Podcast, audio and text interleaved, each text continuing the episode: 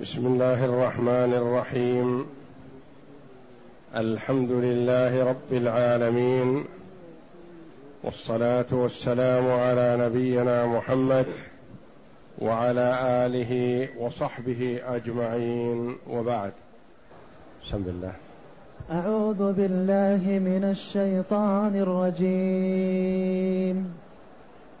لقد أرسلنا رسلنا بالبينات وأنزلنا معهم الكتاب والميزان بال وأنزلنا معهم الكتاب والميزان ليقوم الناس بالقسط. وأنزلنا الحديد فيه بأس شديد ومنافع للناس. وليعلم الله من ينصره ورسله بالغيب. وليعلم الله وليعلم الله من ينصره ورسله بالغيب. ورسله. ورسله بالغيب. إن الله قوي عزيز. هذه الآية الكريمة من سورة الحديد.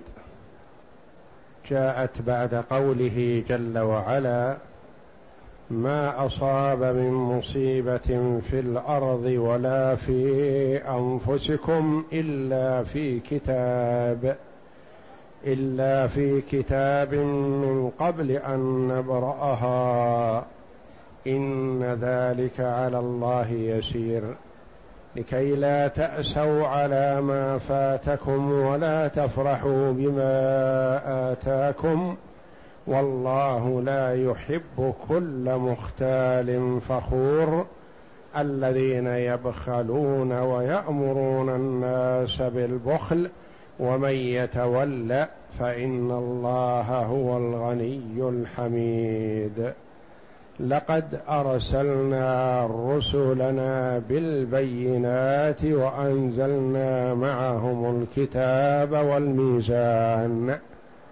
الآية. يقول الله جل وعلا لقد أرسلنا رسلنا بالبينات. اللام موطئة للقسم. مشعرة بالقسم. وقد للتحقيق. أرسلنا رسلنا جمهور المفسرين على أن المراد بالرسل الرسل من البشر من بني آدم. وقال بعضهم المراد بالرسل هنا الملائكة. لقد أرسلنا رسلنا بالبينات. بالبينات بالحجج الواضحة البينة الدالة على وحدانية الله جل وعلا وأنه المستحق للعبادة وحده لا شريك له وأن الرسل صادقون فيما يقولون عن الله جل وعلا. رسلنا بالبينات. وأنزلنا معهم الكتاب. أنزل الله جل وعلا إلى الرسل الكتب. فالمراد بالكتاب هنا الجنس. أي الكتاب المنزل على محمد صلى الله عليه وسلم وهو القرآن العظيم. والكتاب المنزل على عيسى صلى الله عليه وسلم وهو الإنجيل. والكتاب المنزل على موسى صلى الله عليه وسلم وهو التوراة. والكتاب المنزل على داود صلى الله عليه وسلم وهو الزبور. وما أنزل الله جل وعلا على الأنبياء صلوات الله وسلامه عليهم أجمعين كصحف إبراهيم. وما أنزل الله على الأنبياء السابقين. فالمراد بالكتاب هنا الجنس. ليس المراد به كتاب معين وإنما أنزل الله عليه على كل نبي رسول كتابا يخصه ويخص أمته. وأنزلنا معهم الكتاب والميزان. المراد بالميزان قال بعض المفسرين العدل إقامة العدل بين الناس. أمرناهم بهذا لأن العدل به تصلح أحوال الناس وبه يتعاملون وبه يعطي بعضهم بعضا حقه وبه يحصل التفاهم بين الناس. وبه يحصل التعاون بين الناس وبه يحصل الأمر بالمعروف والنهي عن المنكر وبه يحصل الدعوة إلى الله جل وعلا وبه تحصل إقامة الحجة على الخلق. وأنزلنا معهم الكتاب والميزان. وقيل المراد بالكتاب بالميزان هو الآلة التي يوزن بها.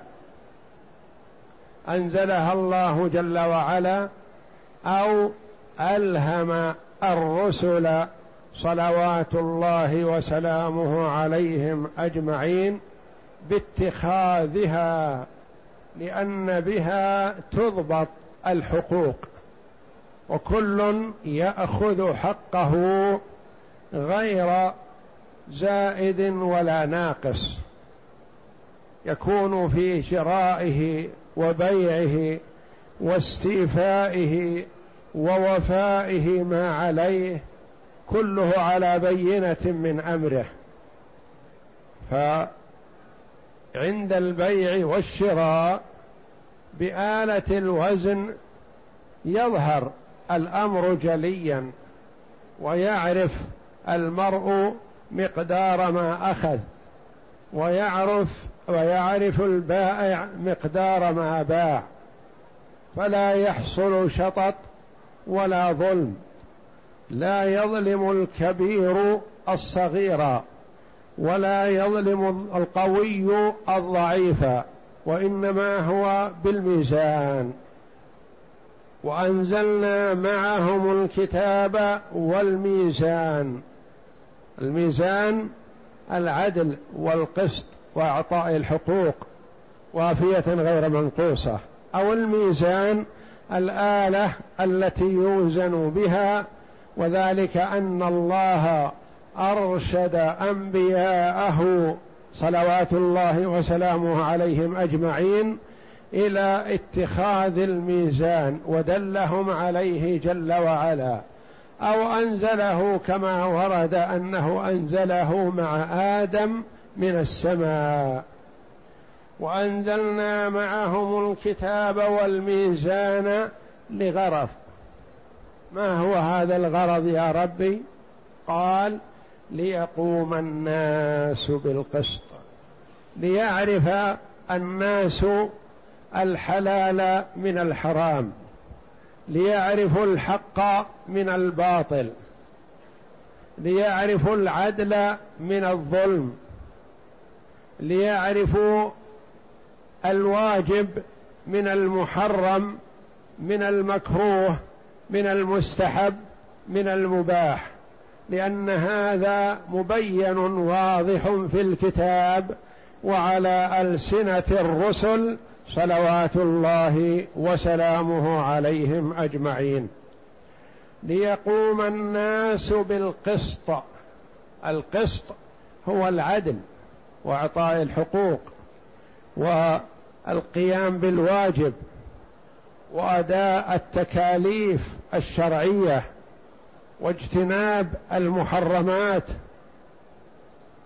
من ظلم الغير أو تقصير في حق الله جل وعلا أو تقصير في حق العباد بمعرفة العدل وإقامته كل يأخذ حقه كاملا غير منقوص فيتفرغ لتأدية ما أوجب الله جل وعلا عليه. يقوم الناس بالقسط.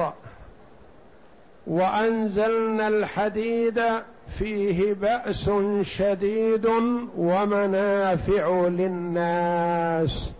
أنزلنا الحديد أنزلناه فيها قولان للمفسرين رحمهم الله. أنزل الله الحديد بأن أنزله مع آدم من السماء. آلة الحديد أو أن الله جل وعلا خلقه في الأرض ودل وأرشد العباد إلى استخراجه وإن لم يكن نازلا من أعلى كما في مثل قوله جل وعلا وأنزل لكم من الأنعام ثمانية أزواج. أنزل الله لكم من الأنعام ثمانية أزواج والمراد بهيمة الأنعام وهي خلقها الله جل وعلا في الأرض وأوجدها للعباد وأرشدهم إلى استخدامها. وأنزلنا الحديد أنزله من أعلى من السماء أو أخرجه لهم من الأرض وأرشدهم إلى استخراجه. وأنزلنا الحديد وبين الله جل وعلا ما فيه. فيه بأس شديد ومنافع للناس. فيه شيئان مهمان للعباد. فيه بأس شديد. بأس قوة. قتل وسفك دماء وفيه منافع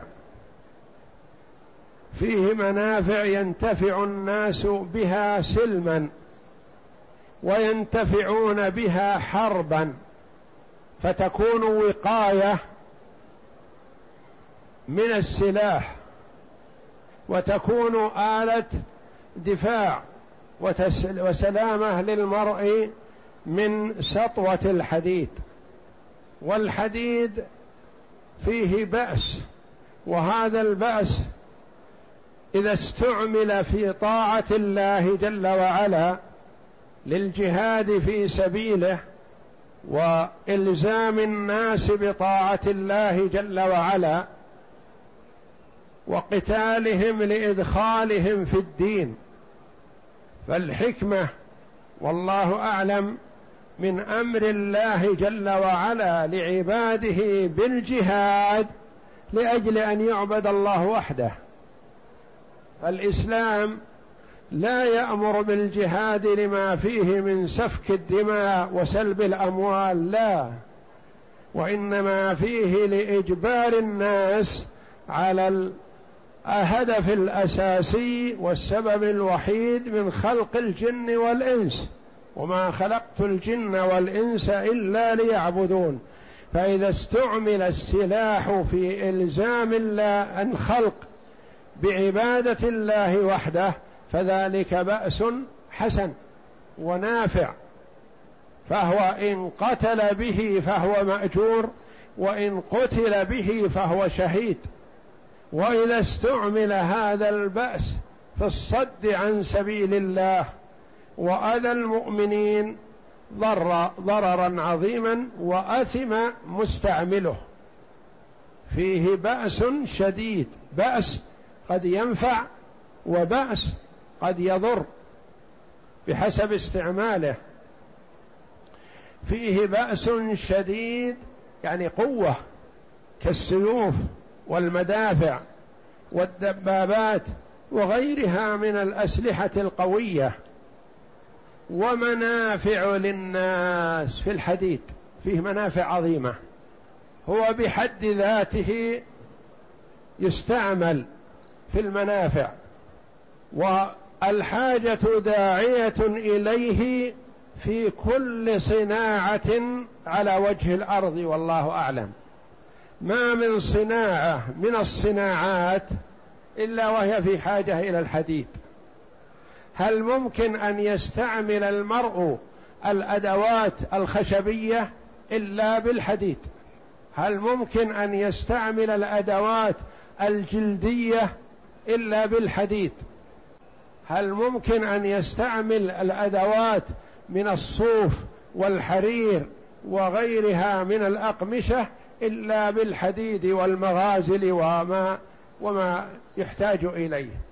فما من صناعة من الصناعات في على الوجود إلا وهي في حاجة إلى الحديد. ما أن تكون نفسها هي حديد أو تكون تهيأ وتعد بالحديد.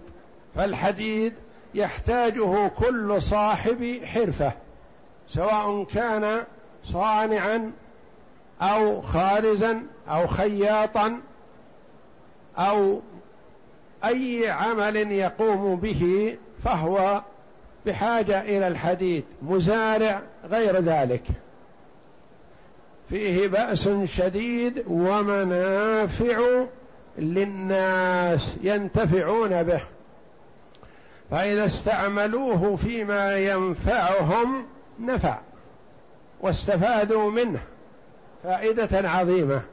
وإذا استعملوه فيما يضر فقد ذكر الله فيه البأس والبأس قد يكون نافعا لأن البأس القوة قد يكون قوة نافعة بالأمر بالمعروف والنهي عن المنكر والدعوة إلى الله والجهاد في سبيله وقد تكون يكون البأس بعكس ذلك فيضر. فيه بأس شديد ومنافع للناس. يقول تعالى لقد أرسلنا رسلنا بالبينات أي بالمعجزات والحجج الباهرات والدلائل القاطعات وأنزلنا معهم الكتاب وهو النقل الصدق والميزان وهو العدل قاله مجاهد وقتادة وهو الحق الذي تشهد به العقول الصحيحة المستقيمة. المخالفة للآراء السقيمة كما قال تعالى أفمن كان على بينة من ربه ويتلوه شاهدا منه ويتلوه شاهد منه. ويتلوه شاهد منه. وقال تعالى فطرة الله التي فطر الناس عليها. وقال تعالى والسماء رفعها ووضع الميزان. ولهذا قال في هذه الآية ليقوم الناس بالقسط أي بالحق والعدل وهو اتباع الرسل فيما أخبروا به وطاعتهم فيما أمروا به. فإن الذي جاءوا به هو الحق الذي ليس وراءه حق كما قال وتمت كلمة ربك صدقا وعدلا أي صدقا في الأخبار. وعدلا في الأخبار فأخبار الله جل وعلا كلها صادقة وعدلا في الأحكام والتشريع. نعم. أي صدقا في الأخبار وعدلا في الأوامر والنواهي. ولهذا يقول المؤمن إذا تبوأ غرف الجنات والمنازل العاليات والسرر المصفوفات الحمد لله الذي هدانا لهذا. وما كنا لنهتدي لولا ان هدانا الله. لقد جاءت رسل ربنا بالحق. ويعترف المؤمن بان الرسل جاءت بالحق كما وصفهم الله جل وعلا ويحمد الله الذي هداه لأن الهدايه بيد الله. والله جل وعلا اقام الحجه على الخلق كلهم بإرسال الرسل وإنزال الكتب وهبة العقل. فبهذه الثلاثة تقوم الحجة على الخلق. فمن وفقه الله جل وعلا وهداه فيحمد الله على ذلك. ومن حرم التوفيق فلا يلوم إلا نفسه لأن الله جل وعلا أقام عليه الحجة. وقوله تعالى وأنزلنا الحديد فيه بأس شديد. أي وجعلنا الحديد رادعا لمن أبى الحق وعانده بعد قيام الحجة عليه.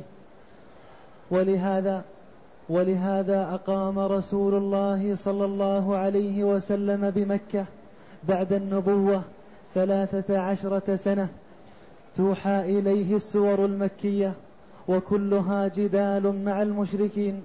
وبيان وإيضاح للتوحيد وبينات ودلالات فلما قامت الحجة على من خالف شرع الله الهجرة وأمرهم بالقتال بالسيوف وضرب الرقاب وإلا الله جل وعلا ما أمره بالجهاد وقتال الناس إلا بعدما أقام عليهم الحجة وأظهرها وبينها ثلاث عشرة سنة تنزل الآيات والسور لدعوة الناس إلى الإيمان بالله جل وعلا.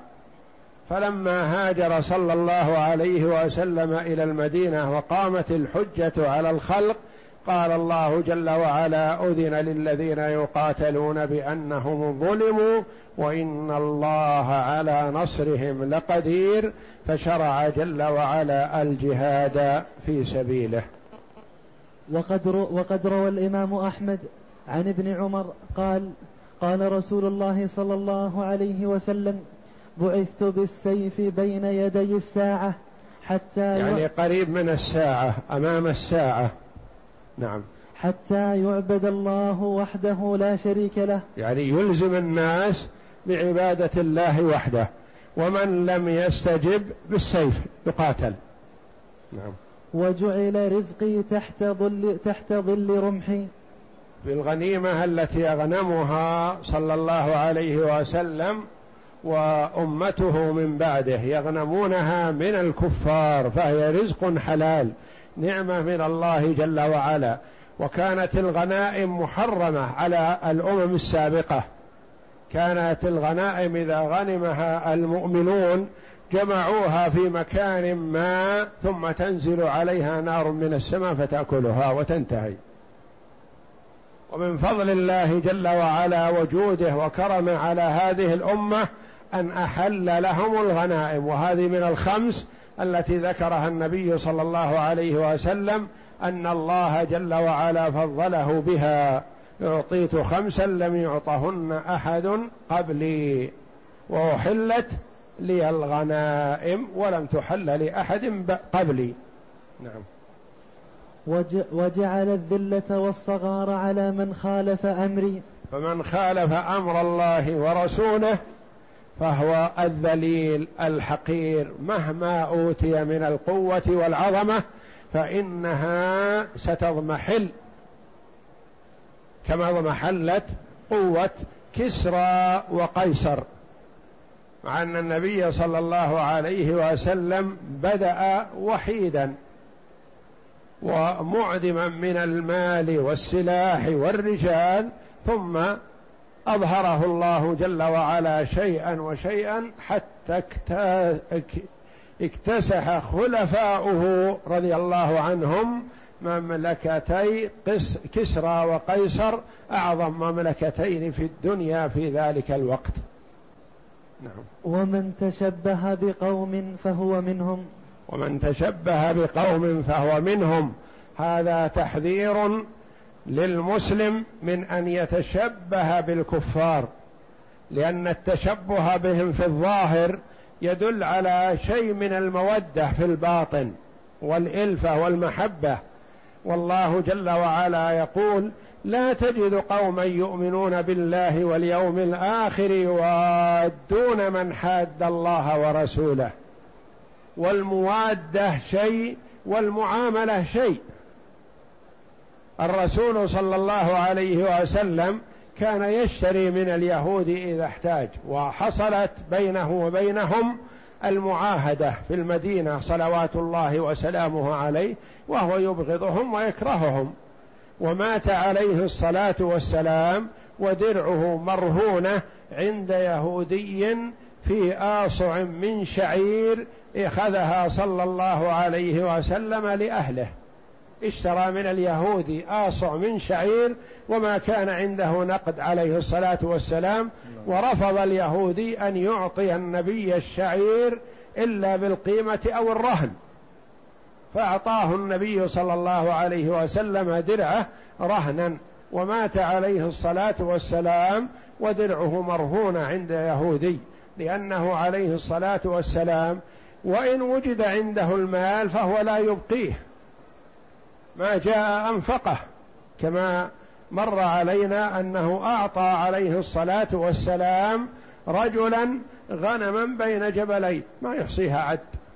وأعطى رجلا مئة من الإبل ثم مئة من الإبل ثم مئة من الإبل ثلاثمائة من الإبل عطية واحدة منه صلى الله عليه وسلم لرجل يعطي للدعوة إلى الإسلام عليه الصلاة والسلام.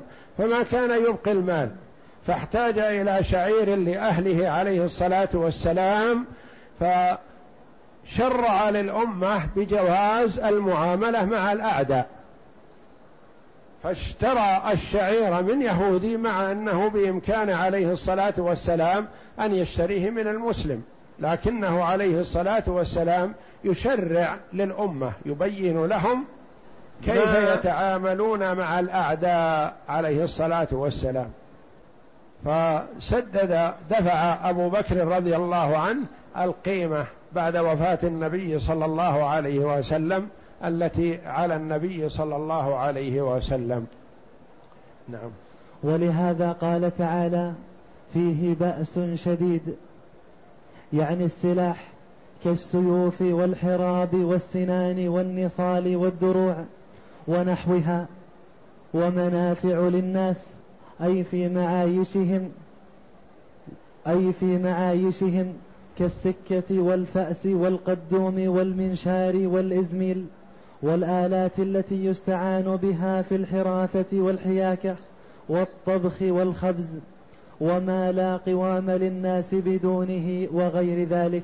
أي عمل من الأعمال وأي صناعة من الصناعات وأي كسب من الكسب إلا ولا بد أن يدخل فيه الحديد ومنافع للناس.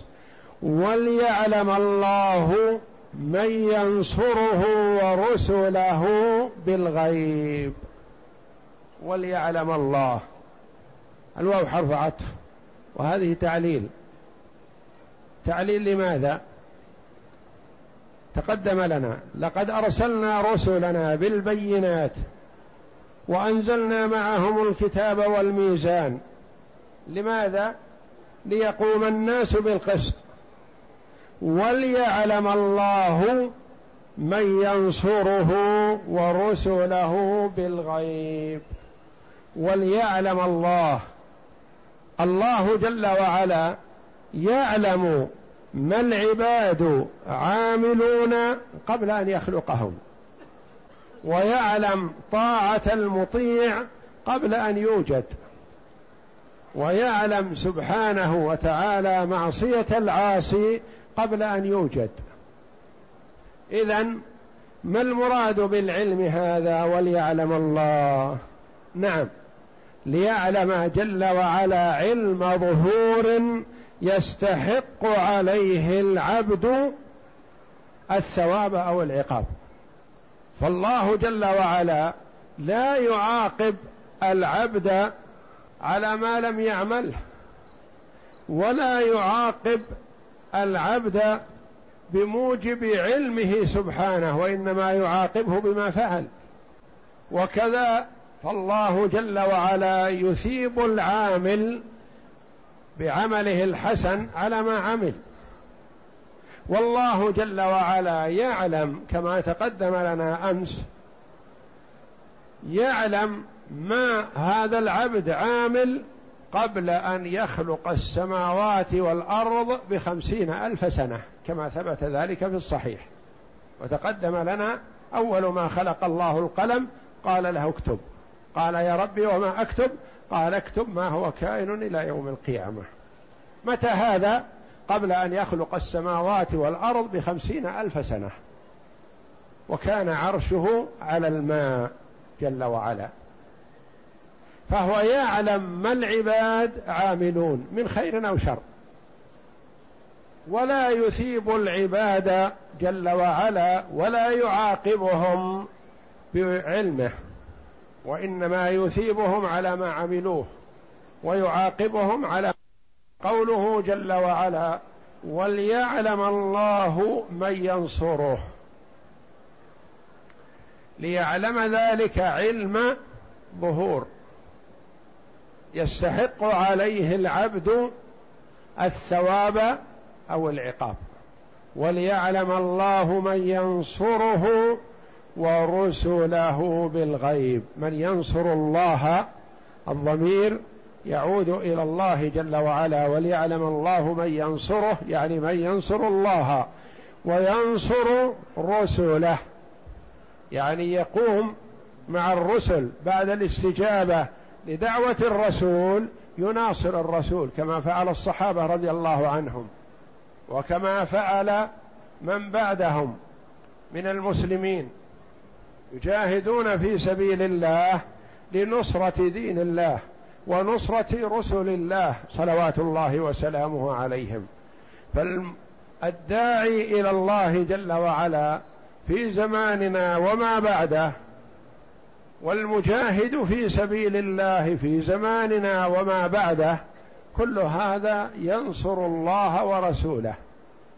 ينصر دين الله وينصر سنة رسول الله صلى الله عليه وسلم بقوله ودعوته وبسنانه وسيفه. وليعلم الله ليظهر من ينصر دين الله وينصر رسل الله بالغيب. بالغيب جار ومجرور متعلق محذوف حال يصح أن يكون حال من الفاعل وحال من المفعول. حالة كونهم الناصرون غائبون يعني ما اطلعوا على الله. أو حالة كون المنصور الله ورسوله ما ليسوا معهم في الحال يعني لا يرونهم. فهم يناصرون الله ورسوله وإن لم يروا الله ولم يروا الرسول صلى الله عليه وسلم. رسله بالغيب. ثم قال جل وعلا إن الله قوي عزيز. هذه إشعار للعباد. انتبه أيها المؤمن الصالح التقي المجاهد في سبيل الله لتعرف أن الله جل وعلا ليس في حاجة إليك وإنما جهادك لنفسك. فالله جل وعلا قوي غني عن الخلق والخلق مفتقرون إليه. فهو ليس في حاجة إلى جهاد هذا وليس في حاجة إلى دعوة هذا وليس في حاجة إلى نفقة هذا لا. وإنما من ينصر الله بسيفه وسنانه أو ينصر الله بماله وكسبه أو ينصر الله بلسانه ودعوته الله غني عن هؤلاء كلهم فهو قوي وعزيز غالب سبحانه وتعالى لكن عمل المرء يعود إليه لنفسه.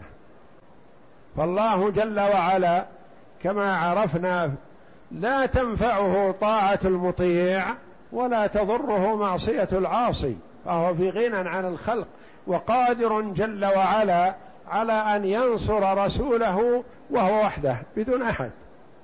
إنما أمره إذا أراد شيئا أن يقول له كن فيكون. قادر على أن ينصر رسوله بالريح. قادر على أن ينصر رسوله بالصواعق.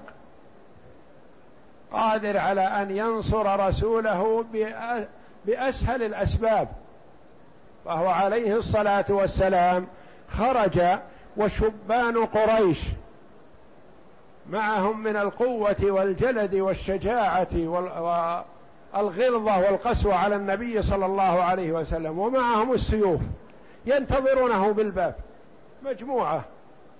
كل يحاول أن يكون هو الأول يضربه بسيفه. وخرج من بينهم وذر على رؤوسهم التراب ومشى عليه الصلاة والسلام وعيونهم شاخصة به. ما استطاعوا أن يقولوا شيئا أو يعملوا شيئا. هذا من نصر الله جل وعلا لرسوله. فهو غني عن الخلق. عشرة شبان منتظرون بالباب. عندهم من الحقد والكراهية والبغض للنبي صلى الله عليه وسلم. ما الله به عليم. وحرضهم قومهم. ووعدوهم المكافأة العظمى. إذا قتلوه وخرج من بينهم عليه الصلاة والسلام وعيونهم شاخصة به فذر على رؤوسهم التراب ومشى وما استطاعوا أن يتحركوا بشيء وسيوفهم بأيديهم. هذا من نصر الله جل وعلا. وحينما كان عليه الصلاة والسلام في وقعة بدر وفي غزوة حنين كان من معه قلة وانهزم الكثير منهم فنصره الله جل وعلا بالملائكة. رجال على خيل ملق ما يقف لهم أحد. جاءوا بصورة رجال. لما لامت نساء قريش المقاتلين في بدر من كفار قريش لامتهم النساء كيف هزموكم وهم قلة وأنتم كثرة ومعكم السلاح وليس معهم سلاح؟ ومعكم القوة والغنى والمال وهم معدمون. قالوا ما رأيتم ما رأينا. رأينا رجالا على خيل بلق لا يقف لهم أحد. إذا قرب من الشخص سقط ومات بدون ما يحتاج إلى أن يضربه. وهم الملائكة. أمد الله جل وعلا رسوله صلى الله عليه وسلم بالملائكة. فالله جل وعلا غني عن الخلق. إنما أمره إذا أراد شيئا أن يقول له كن فيكون. لكنه جل وعلا يبتلي العباد لمصلحة العباد. لما رغب في مناصرة دين الله ومناصرة رسوله صلى الله عليه وسلم قال إن الله قوي عزيز. وقوي ليس في حاجة إليكم. عزيز لا يغالب لكن المصلحة تعود إليكم في عملكم هذا. وليعلم الله من ينصره ورسله بالغيب أي من نيته في حمل السلاح نصره الله ورسوله. إن الله قوي عزيز أي هو قوي عزيز. ينصر من نصره من غير احتياج منه إلى الناس وإنما شرع الجهاد ليبلو بعضكم ببعض. والله أعلم وصلى الله وسلم وبارك على عبده ورسول نبينا محمد وعلى آله وصحبه أجمعين.